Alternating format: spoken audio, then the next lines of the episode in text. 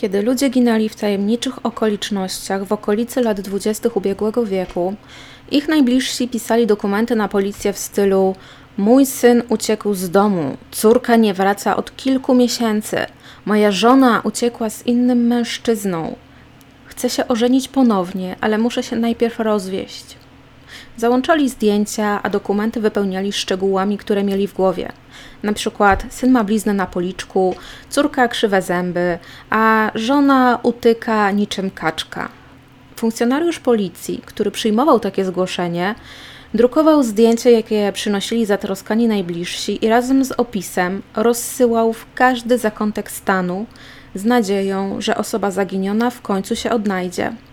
Nikt nie robił tego dla bohatera dzisiejszego podcastu, a przynajmniej nie od razu, mimo że ten miał cechę szczególną w postaci ogromnego wąsa, która odróżniała go na tle mieszkańców Toronto. Przyjaciele i rodzina myśleli, że Ambrose świętuje swój największy finansowy deal życia i może zaszył się w hotelu z jakąś młodą i śliczną dziewczyną, albo postanowił przegrać trochę swojej fortuny w jakimś lokalnym kasynie, albo obstawiając gonitwy.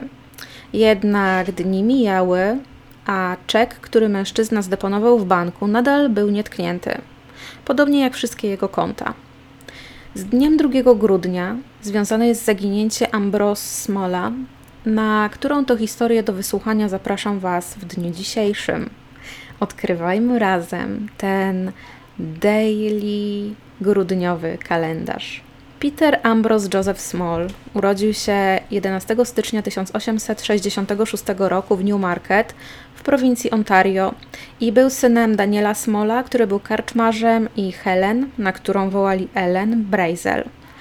Kiedy Ambrose pojawia się na świecie, oboje jego rodzice mają po 20 lat. 10 dni po urodzeniu rodzice chrzczą chłopca w kościele rzymskokatolickim.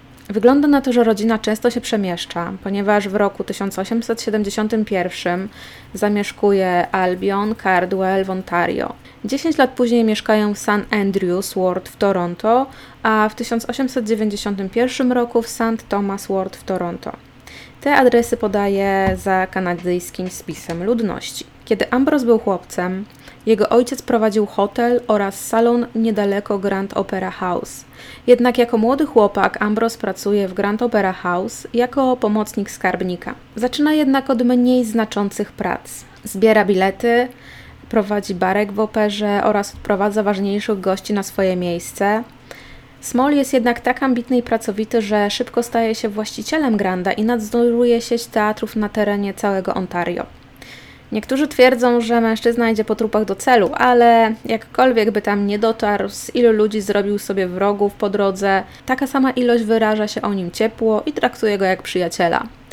Dla wrogów Ambrose jest bardzo zacięty i mściwy i tak opisują go najbliżsi. W wieku 38 lat, 6 listopada 1904 roku, Ambrose poślubia Teresę Corman w Yorku w Toronto. Teresa jest córką lokalnego browarnika i była wychowywana od małego w wierze katolickiej. Odbierała nauki religijne od sióstr świętego Józefa i gorliwie uczęszczała do kościoła. Władała siedmioma albo ośmioma językami i cieszyła się szacunkiem w społeczności katolickiej, co nie przysparzało jej znajomych w protestanckim Toronto. W piwnicy domu miała więc kapliczkę i określana była przez znajomych jako cnotka i dewotka. Ambrose wyznawał to, co mu w danym momencie pasowało, ale to, co jest pewne, za katolikami mężczyzna nie przepadał. Nowożeńcy przenoszą się do rezydencji w Rosedale i podróżują po świecie statkiem parowym. Wysyłają pocztówki ze swoich wojaży, są w Hongkongu, na terenie Japonii, odwiedzają Hawaje. Podczas wyprawy Teresa obmyśla wszelkie opowieści, jakimi będzie raczyć swoich przyjaciół i znajomych po powrocie.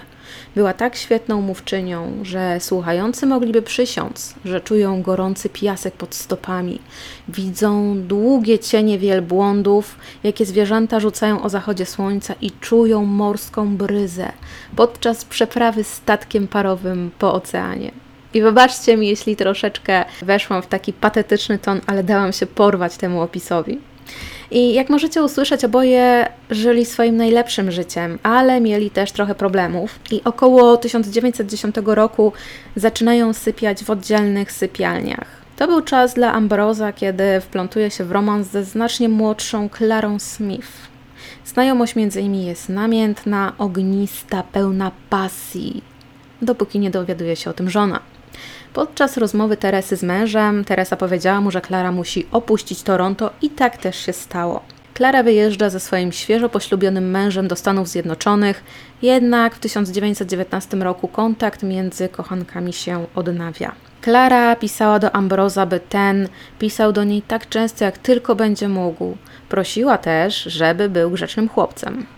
Pisała, że jeśli mężczyzna kiedykolwiek poczuje, że nie może być w stosunku do niej szczery, niech da jej niezwłocznie znać, bo tego, czego ona nie przeżyje, to otrzymania wiadomości o nieszczerości Ambroza z ust osób trzecich. Ten romans między Ambros i Klarą rozgorzał do tego stopnia, że gdy mąż Klary wyjeżdżał do pracy, a trudnił się sprzedażą obwoźną, kobieta zapraszała kochanka do siebie. Ona mieszkała w Minneapolis, gdzie życie dla niej było bardzo nudne, a po opłaceniu rachunków prawie nie zostawało jej pieniędzy, tylko ewentualnie na manikir oraz szampon do włosów. Więc takie odwiedziny Ambroza były dla niej odskocznią od nudnego życia. Kiedy się nie widzieli, kobieta pisała w listach, że nie kocha swojego męża, nie ma dla niego ani odrobiny pozytywnych uczuć, a jej serce i dusza należą tylko do Ambroza. Kiedy Ambroz finalizuje sprzedaż sieci teatrów, Klara przechodzi załamanie nerwowe, które może uleczyć tylko mieszkanie w hotelu na Bronxville w Nowym Jorku, gdzie może poczuć urok Broadwayu oraz powiew dawnego życia, jakie prowadziła z mężczyzną, zanim musiała opuścić e, Kanadę ze swoim żołnierzem. Wreszcie 1 grudnia 1919 roku Ambrose sprzedaje wszystkie swoje udziały w spółce związanej z teatrami i zyskuje on na tym 1,7 miliona dolarów. TransCanada Theatres przy wsparciu pieniędzy spółek kolejowych Montrealu kupuje teatry na terenie Kanady, aby umocnić swoją dominację od wybrzeża do wybrzeża i spółka potrzebowała jeszcze placówek w Ontario, a Ambrose zgodził się, żeby sprzedać placówki w Toronto, w Hamilton, London, Peterborough, St. Thomas i Kingston. Kiedy Ambrose przebywa w Montrealu, Klara pisze do niego płomienne listy, w których wyznaje, że jeśli tylko mężczyzna będzie chciał z nią spędzić resztę życia, ona będzie najszczęśliwszą kobietą. Wzywa go też, żeby modlili się razem, aby ten czas, kiedy będą mogli być razem legalnie, jak najszybciej nadszedł. Klara pisała mężczyźnie, że powinni uciec razem na koniec świata, a przynajmniej dość przyziemnie niech Ambros przyjedzie do niej do Minneapolis w grudniu, a ona będzie więcej niż szczęśliwa, jeśli będzie mogła mu ugotować obiad. Jak niewiele jej do szczęścia potrzeba. No cóż, jedni używają arszeniku, inni używają modlitwy, żeby starsza pani odeszła ale starsza pani nigdzie się nie wybierała. Jeśli chodzi o finansową transakcję sprzedaży TransCanada Theatres, to tę spółkę reprezentuje prawnik William Shaughnessy, który przyjeżdża do miasta z czekiem w walizce w wysokości ponad 1 miliona dolarów. Miejscem finalizacji transakcji jest kancelaria Osler, Hoskin and Harcourt w budynku Dominion Bank mieszcząca się przy Bay Street. Budynek był jednym z trzech drapaczy chmur na rogu Kings and y, Young, w którym mieściły się biura wielu nowych potentatów finansowych w mieście. Ambrose przybywa na miejsce o godzinie 10 rano, udaje się na ósme piętro, na którym mieści się kancelaria prawnicza. Przybywa on sam i nie ma z nim Teresy. Natomiast jest to problem, ponieważ zgodnie z Ontario Dover Act mężczyzna nie mógł bez zgody żony sprzedać swojego majątku, a tym samym pozbawić żonę środków do życia ze sprzedaży tegoż majątku. I akt ten miał generalnie chronić żony przed nagłym kaprysem męża do sprzedaży majątku i według tej ustawy kobieta miała dostać z automatu jedną trzecią sprzedanego wspólnego majątku. Tak więc Teresa musiała się bezwzględnie zgodzić na sprzedaż, jeszcze zanim ta sprzedaż została sfinalizowana. No i było to niestety nieco problematyczne dla Ambroza, bo Teresa natknęła się przypadkiem na listy od Klary, na listy od Klary do Ambroza. Więc w tej sytuacji niejako to Teresa rozdawała karty i ona znalazła ten list akurat wtedy, gdy mąż przebywał w Montrealu. I zaniepokoił ją ten list od Claire, bo był on według niej zbyt osobisty jak na zwykłą znajomość. Klara narzekała w nim na swoje gnijące zęby, które musiała usunąć dzięki pomocy nowoczesnej medycyny. No i Klara nakazywała też Ambrozowi, żeby zajął się swoim uzębieniem i bardzo ubolewała, że pewnie mężczyzna nie ma czasu tego zrobić. A nawet, że jest w zasadzie zajęty, że nie ma czasu też, żeby zająć się swoją żoną. I to bardzo Claire w serduszko bolało. Ale Claire pisała też, że nieustannie myśli o Ambrose, jak bardzo i jak szybko chce go znów zobaczyć i że najlepiej to by było, gdyby mężczyzna uciekł od żony. Ale wracam do prawników. Oto Ambrose mówi im, że żona y, nie mogła się stawić razem z nim, bo cierpiała na załamanie nerwowe. Niestety on i jego prawnik Edward Flock musieli wrócić na przedmieścia po Teresę ponieważ brak jej podpisu bardzo skutecznie blokował możliwość sprzedaży majątku. No i po jakimś czasie państwo Small wracają do biura prawników. Początkowo Teresa odmawia podpisania jakichkolwiek dokumentów, ale po tym jak ona i Ambrose wyszli z pokoju na krótką, prywatną konferencję, kobieta ustępuje. Więc cokolwiek mężczyzna obiecał swojej żonie, to było wystarczające i kobieta się zgodziła, żeby Ambrose mógł sprzedać majątek. Jack zmienił swoje miejsce i z walizki prawnika spółki powędrował w ręce pana Smola. Na koniec prawnik spółki zażartował sobie, że najlepsze miejsce dla tego czeku to oczywiście ręce pani Teresy. Wdał się też w krótką pogawędkę odnośnie dobroczynnej działalności Teresy, no i wszyscy w lepszych humorach opuścili biuro prawników na Sand Bay. 2 grudnia padał lekki śnieg. Ambrose planował podjechać swoim Cadillaciem do teatru, jednak, ponieważ nie zdążył założyć łańcuchów na koło, wybrał opcję pojechania tramwajem. I zawsze, jeśli zdarzyło mu się jeździć tramwajem, przejeżdżał przez Rosedale, ale ponieważ tramwaj się spóźniał, to Ambrose pobiegł w kierunku Blur Street w nadziei, że uda mu się złapać jakiś szybszy tramwaj. Small wyskoczył na skrzyżowaniu Adelaide Street i przeszedł obok cukierni i fryzjera, którzy wynajmowali od niego sklepy. Grand Opera House to była generalnie miłość Smola, a on potrzebuje jeszcze wyjaśnić jakieś tam szczegóły umowy ze spółką TransCanada. Miał on według umowy zatrzymać swoje pomieszczenie biurowe jeszcze przez jakiś czas, a to pomieszczenie miało mieścić się na pierwszym piętrze właśnie Grand Opera House. Ambrose załatwia ze spółką swoje sprawy i o 13 udaje się do Barbera. Wszyscy u Barbera wiedzieli, że budynek opery jest sprzedany, ponieważ Ambrose wspomniał, że do umowy załączona będzie skrzynka whisky, więc wszyscy mieli co świętować. Kiedy Barber golił Ambroza, mężczyzna poklepał się po kieszeni i powiedział, że ma w niej czek na ponad milion dolarów. Reszta popołudnia minęła bardzo przyjemnie. I żeby uczcić udaną transakcję, Small z żoną poszli do hotelu King Eddie, żeby zjeść obiad. Podczas posiłku Teresa przypomina Ambrożemu, że miał z nią odwiedzić sierociniec na Bond Street i zajechali tam około 15.30. Będę mówiła na Ambrose Ambroży, no tak jakoś wygodniej jest mi, mam nadzieję, że nie macie tego za złe. Ambroży miał jeszcze jakieś swoje sprawy do załatwienia, ale obiecał żonie, że będzie na kolacji około 18, 18.30. No i poszedł na Youngstone zamówić nowego Cadillaca dla żony. Ten Cadillac miał kosztować 9 tysięcy dolarów. Potem zajrzał do jubilera i kupił kobiecie naszyjnik za około 1000 dolarów. W pewnym momencie tego dnia Ambroży wszedł do Dominion Bank i zdeponował czek na milion dolarów na swoim osobistym koncie.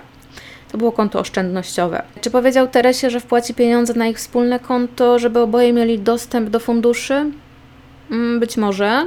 A czy kobieta miała otrzymać inne pieniądze? Nikt tego nie wiedział z wyjątkiem państwa Small, ale Ambroży wzbogacał się na tego rodzaju sztuczkach, ponieważ obiecywał jedno, a wpłacał pieniądze gdzie indziej, no i był z tego właśnie znany, także raczej nie wpłacił tych pieniędzy na ich wspólne konto. Kiedy prawnik Edward Flock wpada do Grand Opera House około 17, aby odebrać pieniądze za pomoc Ambrożemu w finalizowaniu transakcji, mężczyzna był w dobrym nastroju. Potentat zaprasza Flocka na kolację do swojego domu w Rosedale, sugeruje, że mogliby wsiąść razem taksówkę, ale Flock musiał złapać pociąg do Londynu o 18.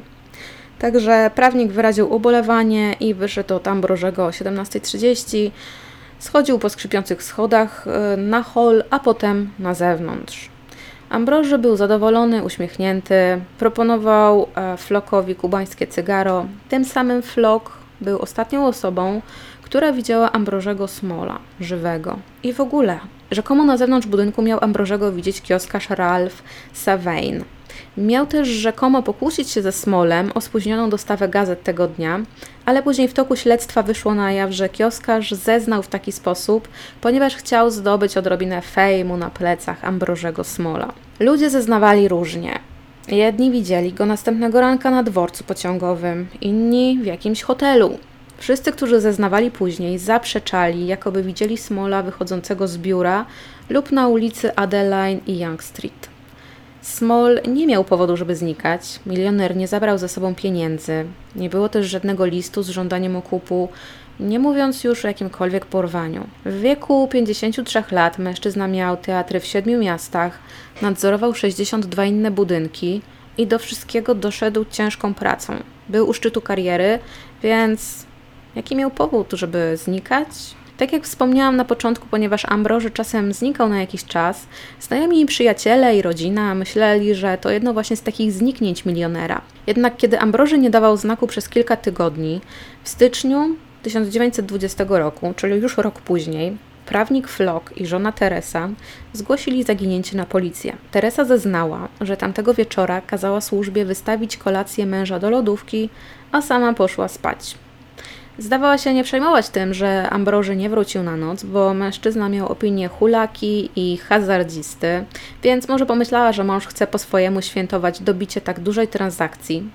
No i Teresa zaoferowała nagrodę za pomoc w namierzeniu Ambrożego w wysokości 500 dolarów. Jednak policjanci zasugerowali kobiecie, żeby nieco podniosła tę stawkę do 5000 a kiedy to nie pomogło i żadne informacje nie spłynęły na policję, kobieta w czerwcu podniosła cenę do 50 tysięcy.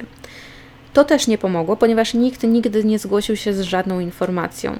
Policja wszczęła bardzo szczegółowe dochodzenie, w które zostali też zatrudnieni do pomocy lokalni jasnowidzowie by ustalić miejsce pobytu albo pochówku Ambrożego. Small został oficjalnie uznany za zmarłego w 1924 roku, a sprawa pozostała nierozwiązana do czasu jej zamknięcia w 1960 roku. W tygodniu jego zniknięcia Small's Opera House grała Revelations of a Wife, sztukę, która przyciągnęła tylu ludzi, że budynek pękał w szwach. Policja bardzo drobiazgowo przeanalizowała fabułę i tematy, ale nie znalazło żadnych śladów, żeby ta sztuka miała właśnie jakieś takie drugie dno, jakieś informacje od Ambrożego czy tak dalej, ponieważ Small e, wykorzystywał takie gry, żeby dostarczyć tajemnicze wskazówki czasami, no ale niestety tym razem okazało się, że nie.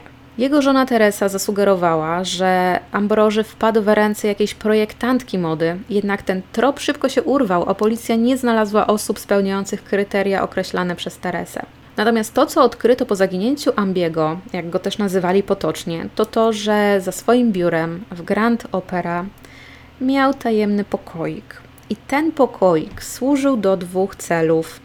Jeden cel to rozgrywanie partyjek hazardowych, a drugi cel to schadzki. Schadzki dla samego Ambrożego z aktorkami albo chórzystkami, które występowały w operze a jako doświadczony kobieciarz Ambroży uwodził kobiety czułymi słówkami, czekoladkami, by potem właśnie skończyć w tym sekretnym pokoju. W pokoju było ogromne łóżko, w pełni wyposażony barek, a na ścianach wisiały obrazy z roznegliżowanymi kobietami w bardzo wyzywających pozach. Pokój oczywiście został gruntownie przeszukany, ale nie odnaleziono w nim żadnych śladów. Została też przesłuchana Klara, która była jedną z chórzystek i już wiecie w jaki sposób się ta dwójka poznała. Jednak Klara powiedziała funkcjonariuszowi, że prędzej by się z nią Ambroży skontaktował niż ze swoją żoną. No i razem ze Smolem zaginął też jego sekretarz, John Doughty. Mężczyzna ostatnio widziany był w Kanadzie w banku, gdzie wybrał 100 tysięcy dolarów w obligacjach. John jednak został namierzony w Stanach Zjednoczonych kilka miesięcy później, w obozie Drwali w stanie Oregon, mimo że ukrywał się pod fałszywym nazwiskiem i zrobiono mu po prostu ekstradycję do Kanady na proces, w jakim miał uczestniczyć. Został on oskarżony o kradzież i skazany na 6 lat więzienia, z czego odsiedział tylko 4 miesiące. Natomiast same obligacje odnaleziono w domu siostry i było tam e, całe 100 tysięcy dolarów nienaruszone, nikt nie próbował ich spieniężyć. Rzekomo Johnowi zdarzało się grozić Ambrożemu, czy mówić, że dobrze by go było porwać dla okupu. Nigdy jednak nie znaleziono żadnego potwierdzenia, jakoby miał coś wspólnego ze zniknięciem Ambiego. Chociaż rzekomo palacz, który dorzucał węgla do pieca w Grand Hotel Opera, miał widzieć w noc zaginięcia Smola, jak ten kłócił się z Johnem, a John okłada łopatą swojego szefa. Tak więc może jednak John miał więcej wspólnego z zaginięciem Ambrożego niż nam się wydaje i niż to oficjalnie mówił. Mógł on w szale uderzyć szefa tak mocno, że odebrał mu życie, a potem mając wizję spędzenia na pewno długiej odsiadki za zbrodnie na tak bogatym człowieku, stwierdził, że lepszą opcją będzie wrzucenie ciała Smola do pieca i spalenie go. Jaki zatem mógł być motyw kłótni? Ano taki, że Small nie szanował pracowników. John mógł mieć do niego żal o to, że go sprzedał razem z siecią teatrów, jak rzecz. Milioner generalnie płacił jemu 45 dolarów tygodniowo, także dosyć skromnie. Ambroży nie powiedział żadnemu swojemu pracownikowi wcześniej, że w ogóle zamierza sprzedać sieć teatrów. Jednak w piecu powinny zostać niespalone kości Smola. Racja. Policja próbowała ustalić, gdzie jest wyrzucany popiół z pieca i jak się okazało, do pobliskiego jeziora.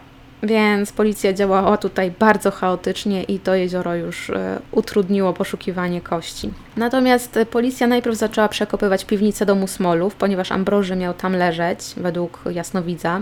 Jednak za pierwszym razem przekopali tylko połowę, tak więc musieli wrócić tam za jakiś czas, żeby sprawdzić drugą połowę piwnicy. Potem zabrali się za przeszukiwanie wysypiska, bo mieszkańcy zeznali, że w noc zniknięcia Smola ktoś kopał w wąwozie Rosedale. I wtedy na scenę wchodzą ubrani cali na biało protestanci z Toronto, którzy sugerują, że to Teresa i katolicy uśmiercili Ambrożego, aby zająć jego pieniądze i by Teresa mogła bez oporów finansować kościół katolicki. Według doniesień kilku gazet w 1921 roku w Jowa rzekomo znaleziono mężczyznę przypominającego zaginionego Ambrożego. Prywatny detektyw John J. Brothy stwierdził, że mężczyzna, o którym mówił, że miał być Ambim, był na wpół oszalałym kaleką.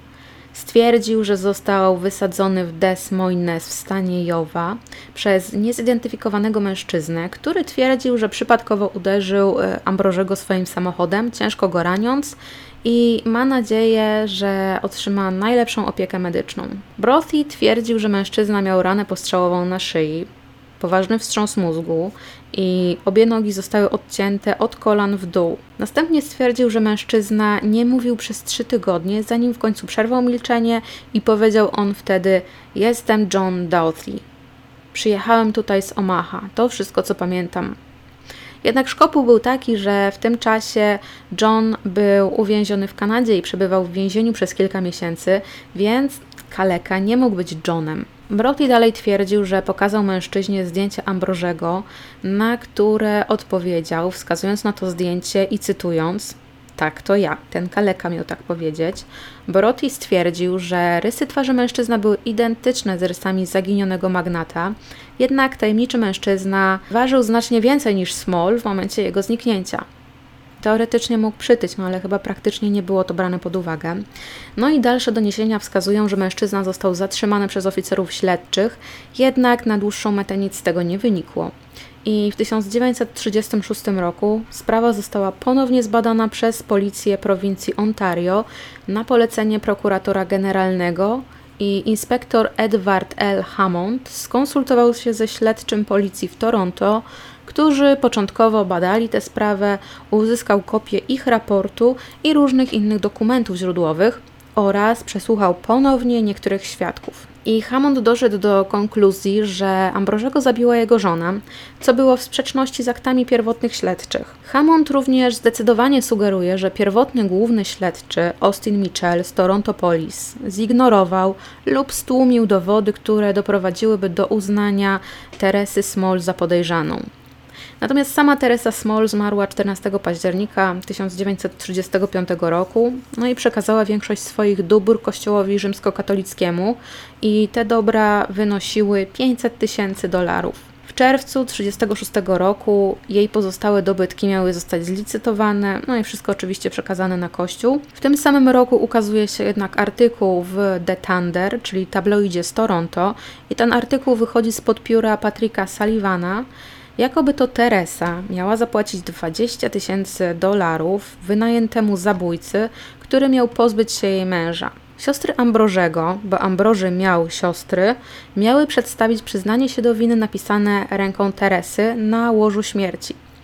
No i tych właśnie rewelacji dostarczyły owe siostry Ambrożego, Gertruda i Florence. Florence przedstawiła też list przyznający się do winy od kogoś znanego tylko jako Reuter, który twierdził, że był mordercą. No i w liście czytamy, że części ciała Ambiego zostały zakopane na wysypisku w wąwozie Rosedale.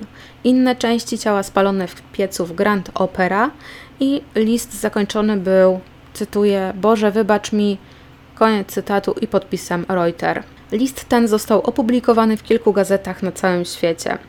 Reporterzy z Toronto skontaktowali się z Sir Arturem Conan Doylem w sprawie zaginięcia Ambrożego, gdy autor był z wizytą w Nowym Jorku. No i Doyle wykazał zainteresowanie sprawą, tworząc nawet w gazecie nagłówek World's Greatest Detective to Solve Small Case. Taki, taka gra słów największy na świecie detektyw do rozwiązania sprawy Smola albo do rozwiązania małej sprawy, tłumacząc na język polski. Natomiast Doyle postanowił nie kontynuować tego śledztwa. Amerykański pisarz i jednocześnie badacz anormalnych zjawisk Charles Ford napisał o niewyjaśnionym zniknięciu Ambrożego Smola i Ambrożego Birsa i zapytał, czy ktoś zbiera, kolekcjonuje ambrożych. Gazety nazywały zniknięcie Ambrożego zbrodnią wieku ale do dziś nie ma żadnych znaczących dowodów, jakoby w parze z zaginięciem była jakaś zbrodnia. No i właśnie jestem ciekawa, co uważacie, jak uważacie, co się stało z Ambrożem? Czy kiedykolwiek podczas jakiegokolwiek stawiania budynku, albo burzenia budynku, albo wykopków wszelakich znajdzie się może jakiś niezidentyfikowany szkielet, który w końcu da odpowiedź, co się stało z Ambrożem? W zeszłym roku minęło 100 lat i póki co sprawa jest nadal nierozwiązana. Siostry Ambrożego winiły Teresę i jej katolicyzm. Gazety dolewały oliwy do ognia, sugerując, że Teresa też romansowała z księżmi, a cała akcja zaginięcia została sfingowana po to, żeby ona dobrała się do majątku męża i bez problemu mogła finansować kościół katolicki. Może to żona wściekła się na Ambrożego za to, że ciągle jej rogi doprawiał, może działała w porozumieniu z wynajętym mordercą, a może na spółkę z Johnem Dotim. Dottie w końcu miał powód, żeby się wściekać na szefa i powód miała też żona. Może Ambroży był zamierzony w jakieś ciemne sprawki, a może to mafia sprzątnęła mężczyznę. Może się komuś skutecznie naraził i ta osoba postanowiła się pozbyć Ambrożego. A może któryś z mężów, chłopaków, narzeczonych, chórzystek z opery dowiedział się o kochanku swojej dziewczyny, żony narzeczonej. A może to mąż Klary dowiedział się o tym, jak żona mu rogi przyprawia. Nie wiadomo, jest tyle pytań i mało odpowiedzi. Natomiast duch Ambrożego Smola ma rzekomo nawiedzać Toronto po dzisiejszy dzień.